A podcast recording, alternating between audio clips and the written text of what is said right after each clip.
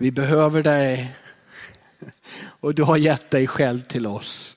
Jag tackar dig för att du har kommit hit till jorden genom din son Jesus Kristus. Jag tackar dig för att du kom nära varenda människa.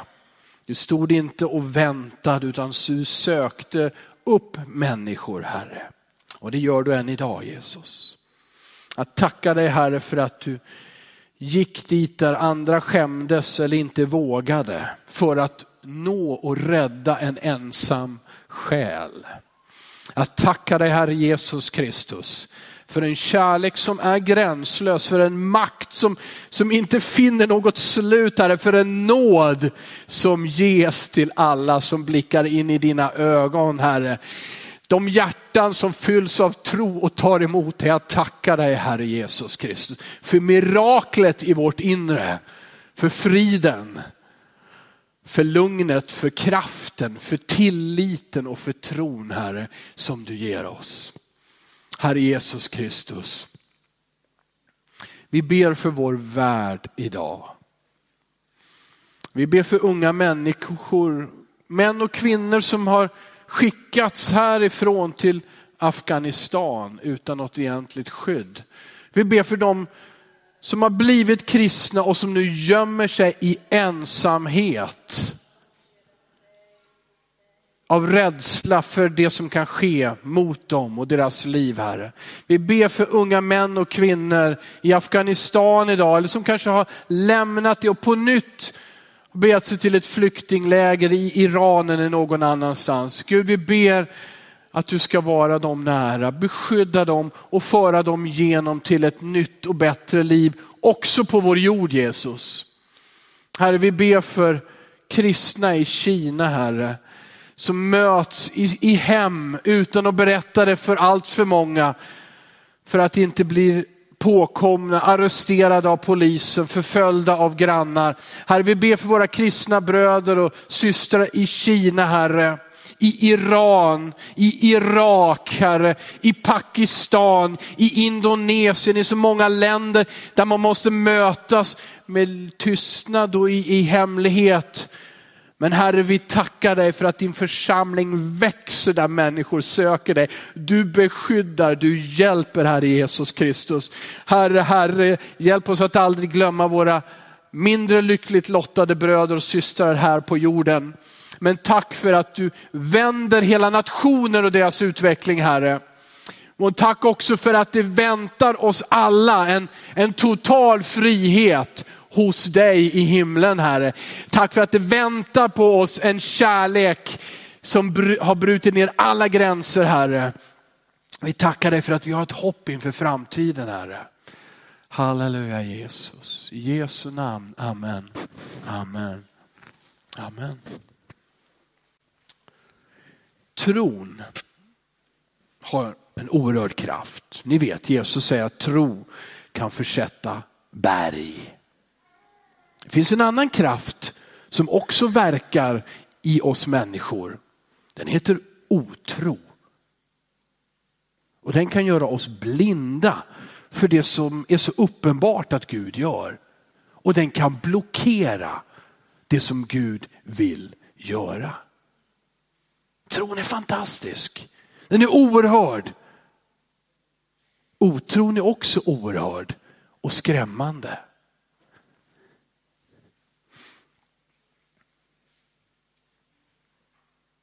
Flera av er har säkert försökt att berätta för människor som inte tror om er tro.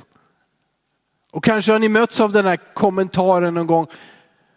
Vad fint att du har en tro. För dig liksom. Det är en total underskattning av vad tron är och kan göra. Och ett förbiseende med hur farligt otro är. Tro är kanalen genom vilken vi får ta emot det Gud vill göra i våra liv. Han har bestämt det så. Det är den kanal, den väg som vi får ta emot vad Gud vill göra i våra liv dag för dag. tro och otro gör en oerhörd skillnad på det som sker i våra liv. Abraham, han trodde på Guds löfte. Och trots att både han och Sara var gamla människor och varit barnlösa genom hela den där perioden när man normalt sett får barn, så fick de ett barn. Josua, söndagsskolan talar om Josua och Jeriko idag. Josuas tro att i tystnad föra folket runt Jeriko. Inte med svärd, inte med några slags kanoner eller stenkastare.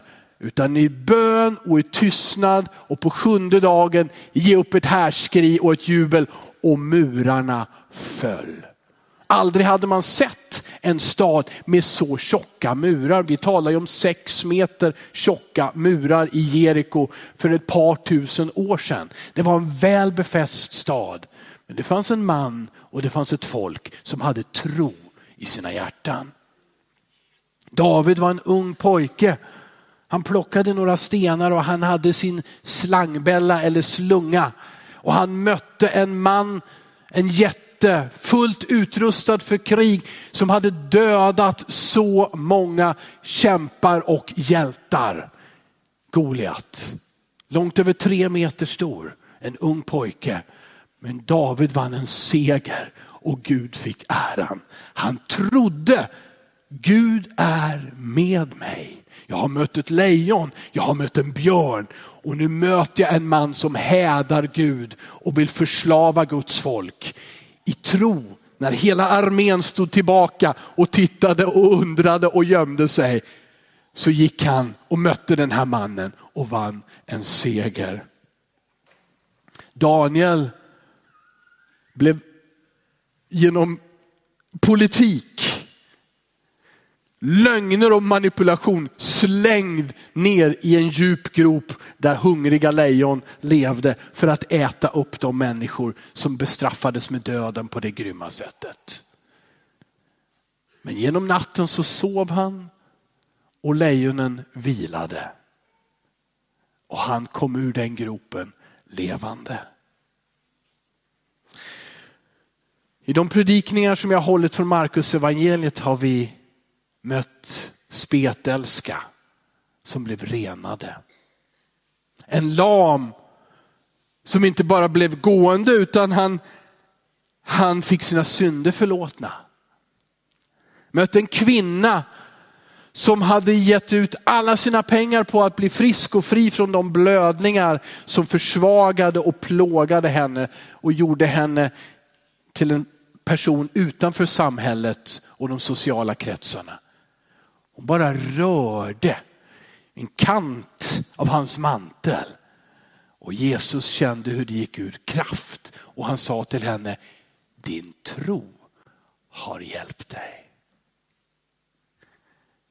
Det var samtidigt som Jairos, synagogföreståndaren, hade kommit till Jesus och sa, min dotter ligger för döden, hon är sjuk, kom och hela henne.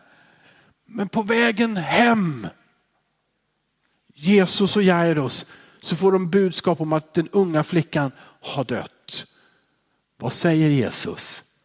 Var inte rädd, bara tro. Tro är medicinen mot rädsla. Inte att spänna musklerna, inte att ropa hit alla smarta och starka människor som jag kan hitta. Kolla vad jag har på bankkontot titta in i spegeln och ha ett peptalk till mig själv hur jag ska säga det här för att det ska bli rätt. Tro är det som övervinner rädsla. För jag tror att Abraham och Sara var rädda ibland. Jag tror att Josua var rädd. Jag tror att Daniel var rädd. Jag tror att David var rädd. Jag tror att många som tror på Gud har drabbats av rädsla. Men genom tron så sker det som är långt mycket större än vad du och jag kan göra med alla våra pengar, med all vår kraft, med all vår tid. Tro försätter berg och tro gör en skillnad. Det står i Hebreerbrevet 11 och 6 att utan tro är det omöjligt att behaga Gud. Det finns ingen annan väg, det finns ingen annan kanal för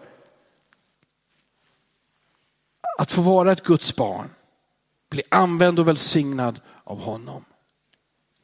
Men Bibeln lyfter också fram hur stark kraften bakom otro är. Adam och Eva.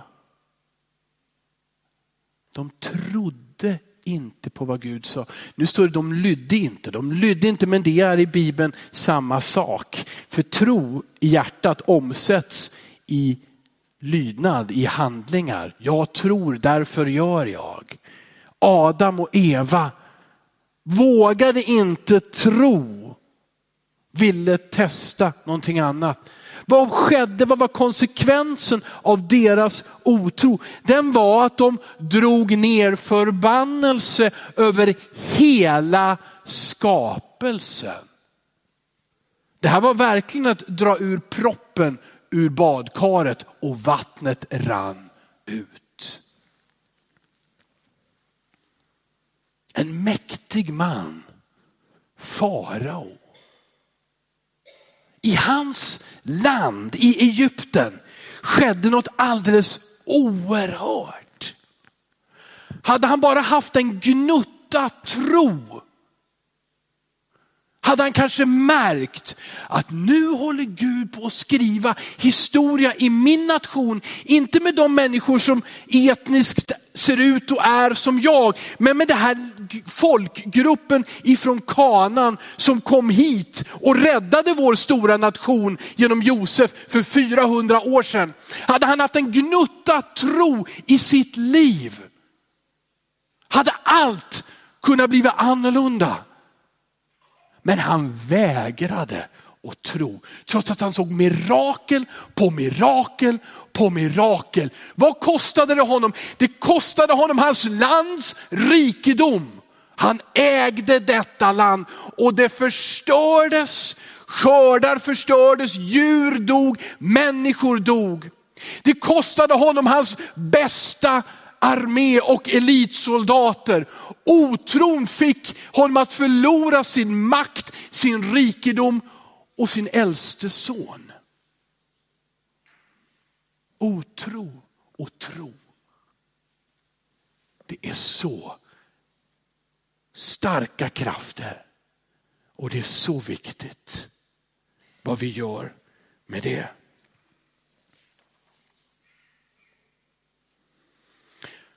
Vår tro och vår otro påverkar resultaten av många omständigheter. Vi möter alla utmaningar, problem, bekymmer, lidande. Det är inte, finns inga undantag. Även om vi önskar det ibland. Och det kan också finnas perioder i vårt liv då vi säger, jag är ju bara välsignad. Vad underbart. Vi tackar Gud för det. Men vi möter svårigheter i olika former. Men vår tro och vår otro påverkar resultatet av de prövningarna. Vår tro påverkar Guds välsignelse över våra liv eller vår otro. Och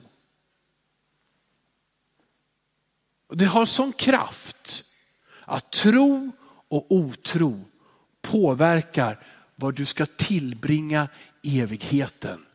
I himlen eller i helvetet. Det är tro och ingenting annat som är den kanal som Gud har gett oss. Jag vill läsa med er från Markus kapitel 6. Har ni era biblar eller mobiltelefoner eller vill kasta en blick upp på skärmen så gör det. Markus kapitel 6.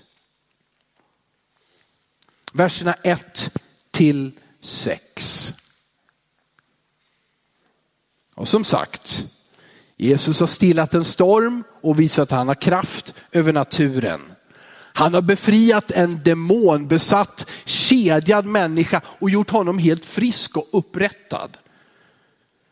Han har helat en kvinna som var sjuk i tolv år, gett henne livet tillbaka. Och han har uppväckt en flicka som hade dött och nu levde hon och återförenad med sina föräldrar. Vilken seger! Tusentals människor lämnade sina hem, sina arbeten, vad de höll på med och bara följde med Jesus, lyssnade till vad han undervisade om, ville se de under som skedde. Det står att de, de tog med människor överallt ifrån för att de skulle bli helade, berörda, få möta Jesus. Nu kommer Jesus hem till Nasaret.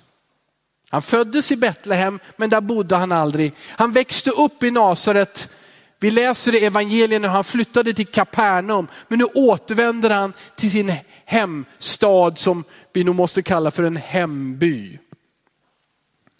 Det står i kapitel 6, vers 1, han gick därifrån och kom till sin hemstad och hans lärjungar följde honom.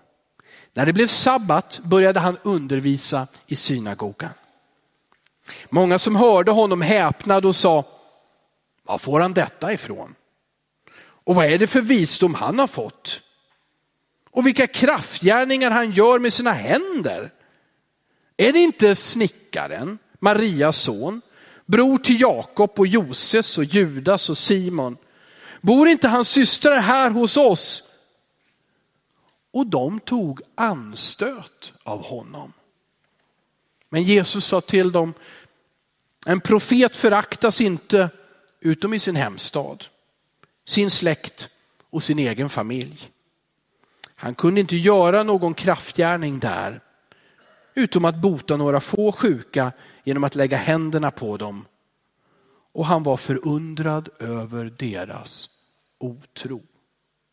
Det är så ledsamt bibelställe så det är, nästan så att man vill gå hem och gråta här. Alltså. Här har vi läst bibeltext efter bibeltext om kraft, om upprättade människor, om befrielse, om kärlek, om förlåtelse, om människor som tar emot och följer. Och det är så underbart. Och så kommer han hem och så liksom luften går ur. Jesus, som är Guds son, som kan göra allting. Det är liksom ett ledsamt konstaterande han kunde inte göra mycket där. Utom att lägga händerna på några. Ja, det låter som småsaker, så det var någon som hade huvudvärk kanske. Då blev du frisk. Det var någon som hade lite ont i magen. Ja, då blev du frisk. Ja, jag vill inte förmindra, det är ju fantastiskt när Jesus tar bort huvudvärk och ont i magen, eller hur? Men vi har ju läst om helt ofantliga under som Jesus har gjort i människors liv. Men i Nasaret kan det inte ske. Och han förundrades över deras otro.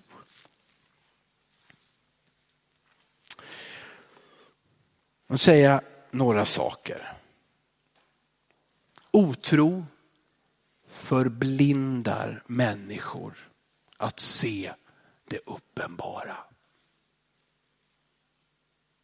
Det var ju inte så ens att de i Nasaret förnekade kraftgärningarna. De hade sett det. De mötte människorna som, som berättade om det. De såg väckelsen i det landet när människor vände tillbaka till Gud. Människor som hade levt ruttna liv, dåliga liv. Plötsligt började leva som rättfärdiga, rättvisa människor. Jesus upprättade, de såg detta och ändå så såg de inte. De blev som blinda.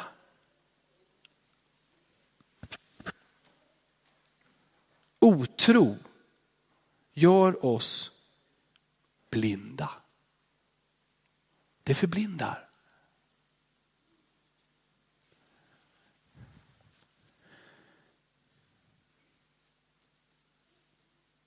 Var har han fått det här ifrån? Frågade de. Det är väl en bra fråga. Det är ingen konstig fråga i sig. Det är ju den fråga som Jesus ville och som Markus som har skrivit evangeliet ville att människor skulle ställa. Var har han fått det här ifrån? Det är ju fantastiskt. Men det var inte det de sa, det är fantastiskt. Var har han fått det här ifrån?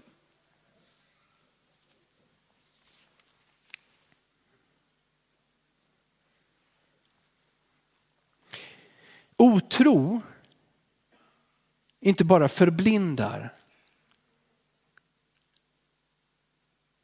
Det förstorar också det som är irrelevant i sammanhanget, oviktigt. De ställer en fråga, är inte det här snickarens, är inte det här snickaren, timmermannen, är inte det här Marias son? Vad har det med saken att göra? Lama börjar gå. En död flicka lever. Vad har det med saken att göra om han är snickare eller inte?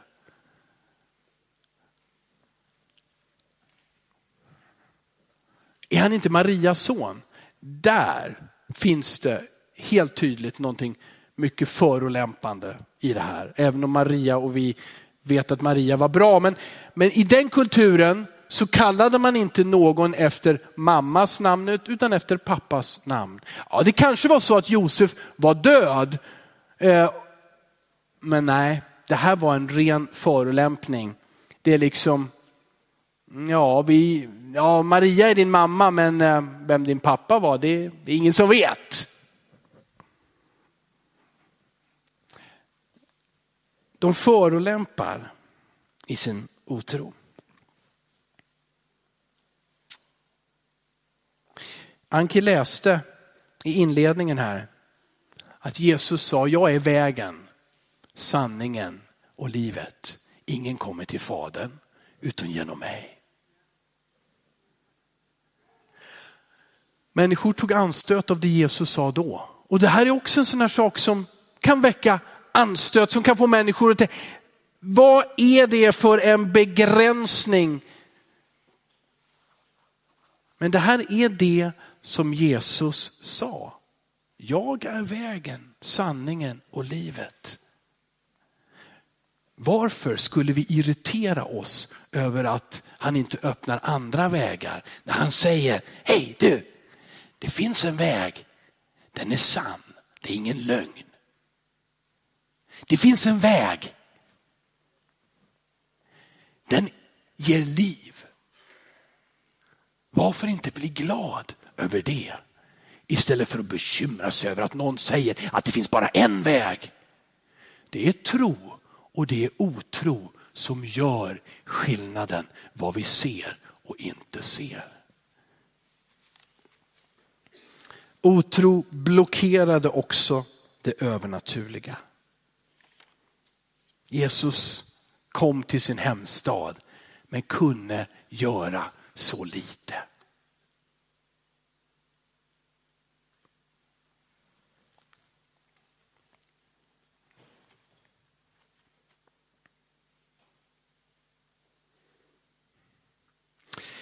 Folket i Nasaret trodde inte. Det skedde några små under. Men inte de stora. Låt mig bara ta ett, en möjlighet. Måndag morgon, du kommer till arbetet eller till skolan. Eller någonstans här i veckan. Du möter en människa, en kollega, en vän som har en bruten arm och de har förbundit det men det måste opereras. Du kan säga, du, får jag be för dig så du slipper operationen? Eller säger du, åh vad synd om dig. Jag, jag, jag, ska, jag ska hålla tummarna för dig att det går bra. Jag kan bara säga att om du gör det där sista, vilket är mänskligt fint och vänligt, så är det hundra procent säkert att inget mirakel kommer att ske den här veckan. i den människans liv och genom dig. Det är garanterat. Men om du säger, får jag be för dig? För jag tror att Gud gör under och att han älskar dig. Vilken spännande vecka det kan bli. Vilken måndag morgon det kan bli. Tro och otro omsatt i ord och handling, det gör skillnaden. Det gjorde en skillnad i Nasaret och det gör en skillnad i Eskilstuna. Amen. Det är nämligen så här att Gud hedrar tro. För att tro hedrar honom. Gud hedrar inte den som sliter i sin egen kraft för att bevisa att han kan fixa livet och bli framgångsrik. Det finns andra, det finns gott om människor och institutioner som hedrar de människorna. Man kan få mycket guldmedaljer och många löneförhöjningar och bli väldigt berömd som en väldigt lyckad människa. Man kan få mycket heder och ära ifrån den här världen, men det får man inte från Gud för den typen av uh, accomplishment, vad det nu heter. Precis. Ja, det är ingen som säger något. Så. Ja. Bedrift, tack bedrifter. Tack. Jag är på avslutningen av predikan. Gud hedrar den som säger, jag har inte silver eller guld. Jag har inte så mycket som jag kan ge dig. Jag förstår att om jag ska hjälpa och fixa ditt liv, då kanske vi behöver lägga veckor på det. Men jag har en familj och jag har det här och jag har det här.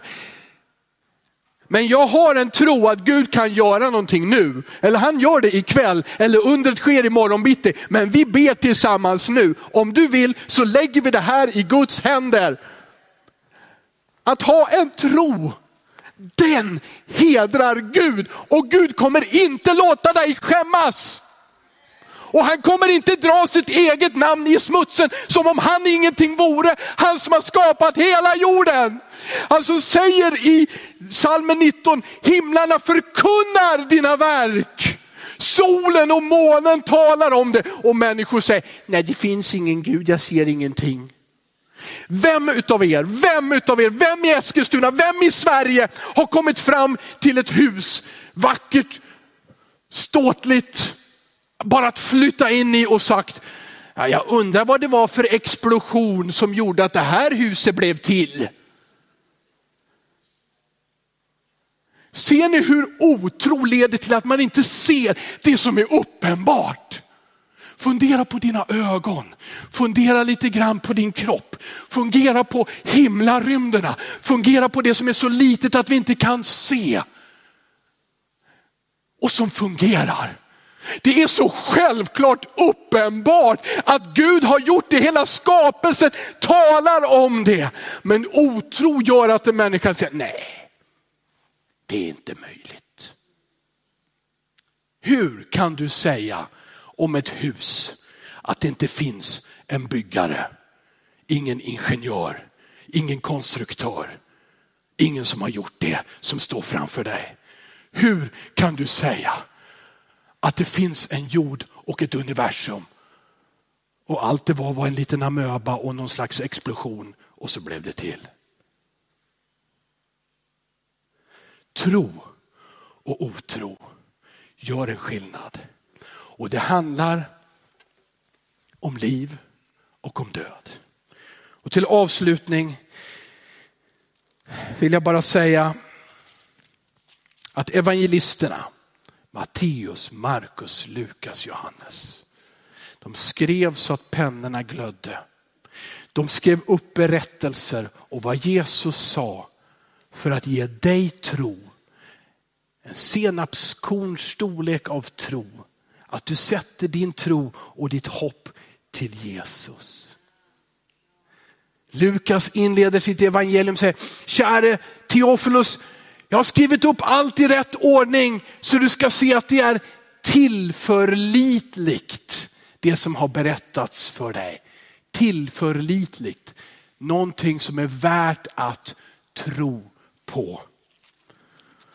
Och Johannes han får avsluta det här när han skriver i sista kapitlet nästan.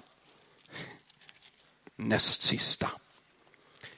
Många andra tecken som inte är nedskrivna i denna bok gjorde Jesus inför sina lärjungar.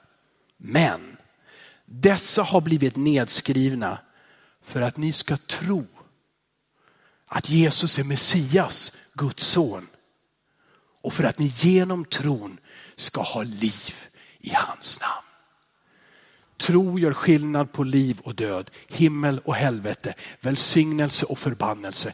Tron är kraften som jag vill uppmuntra varenda en att öppna sig för och byta ut otron och försiktigheten och leva med Jesus. Amen. Kom Herre Jesus Kristus, jag ber dig. Till var och en som öppnar sitt hjärta i tro för dig. Herre Jesus Kristus, jag ber Herre, jag ber inte att du ska ta bort allting som är svårt i världen eller i våra liv. Men jag ber om en tro som bär. Jag ber om en tro som är praktisk i vår vardag och för vår omgivning. Herre Jesus Kristus, jag ber om helande under idag. Jag ber om tröst Jesus. Jag ber Herre Jesus Kristus om relationer som blir helade och förnyade Jesus. Och jag ber att människor blir frälsta, får frid och blir räddade utav dig idag. Genom ditt ord som förkunnas. Genom den nåd som du ger till varje människa. Och genom den tro med vilken vi tar emot dig. I Jesu namn. Amen. Du har lyssnat till en predikan i Pingstkyrkan i Eskilstuna. Om du vill höra den igen eller höra andra predikningar eller se, då finns vi på TV Eskilstuna och vi finns på Youtube där du hittar oss under eh, Pingstkyrkan Eskilstuna. Du kan också klicka på prenumeration om du vill veta när nya predikningar läggs ut. Alla är välkomna hit. Du är varmt välkommen att eh, kontakta oss eller besöka ett av våra möten eller kyrkan. Eh, du kan också ringa till oss eller skriva på vår mailadress om du eh, har en fråga eller om du önskar att vi ska be för dig eller för en situation. Det finns också mer information om oss och våra möten, aktiviteter för alla olika åldrar på vår hemsida och även på vår Facebookgrupp. Jag önskar dig allt gott och Guds välsignelse.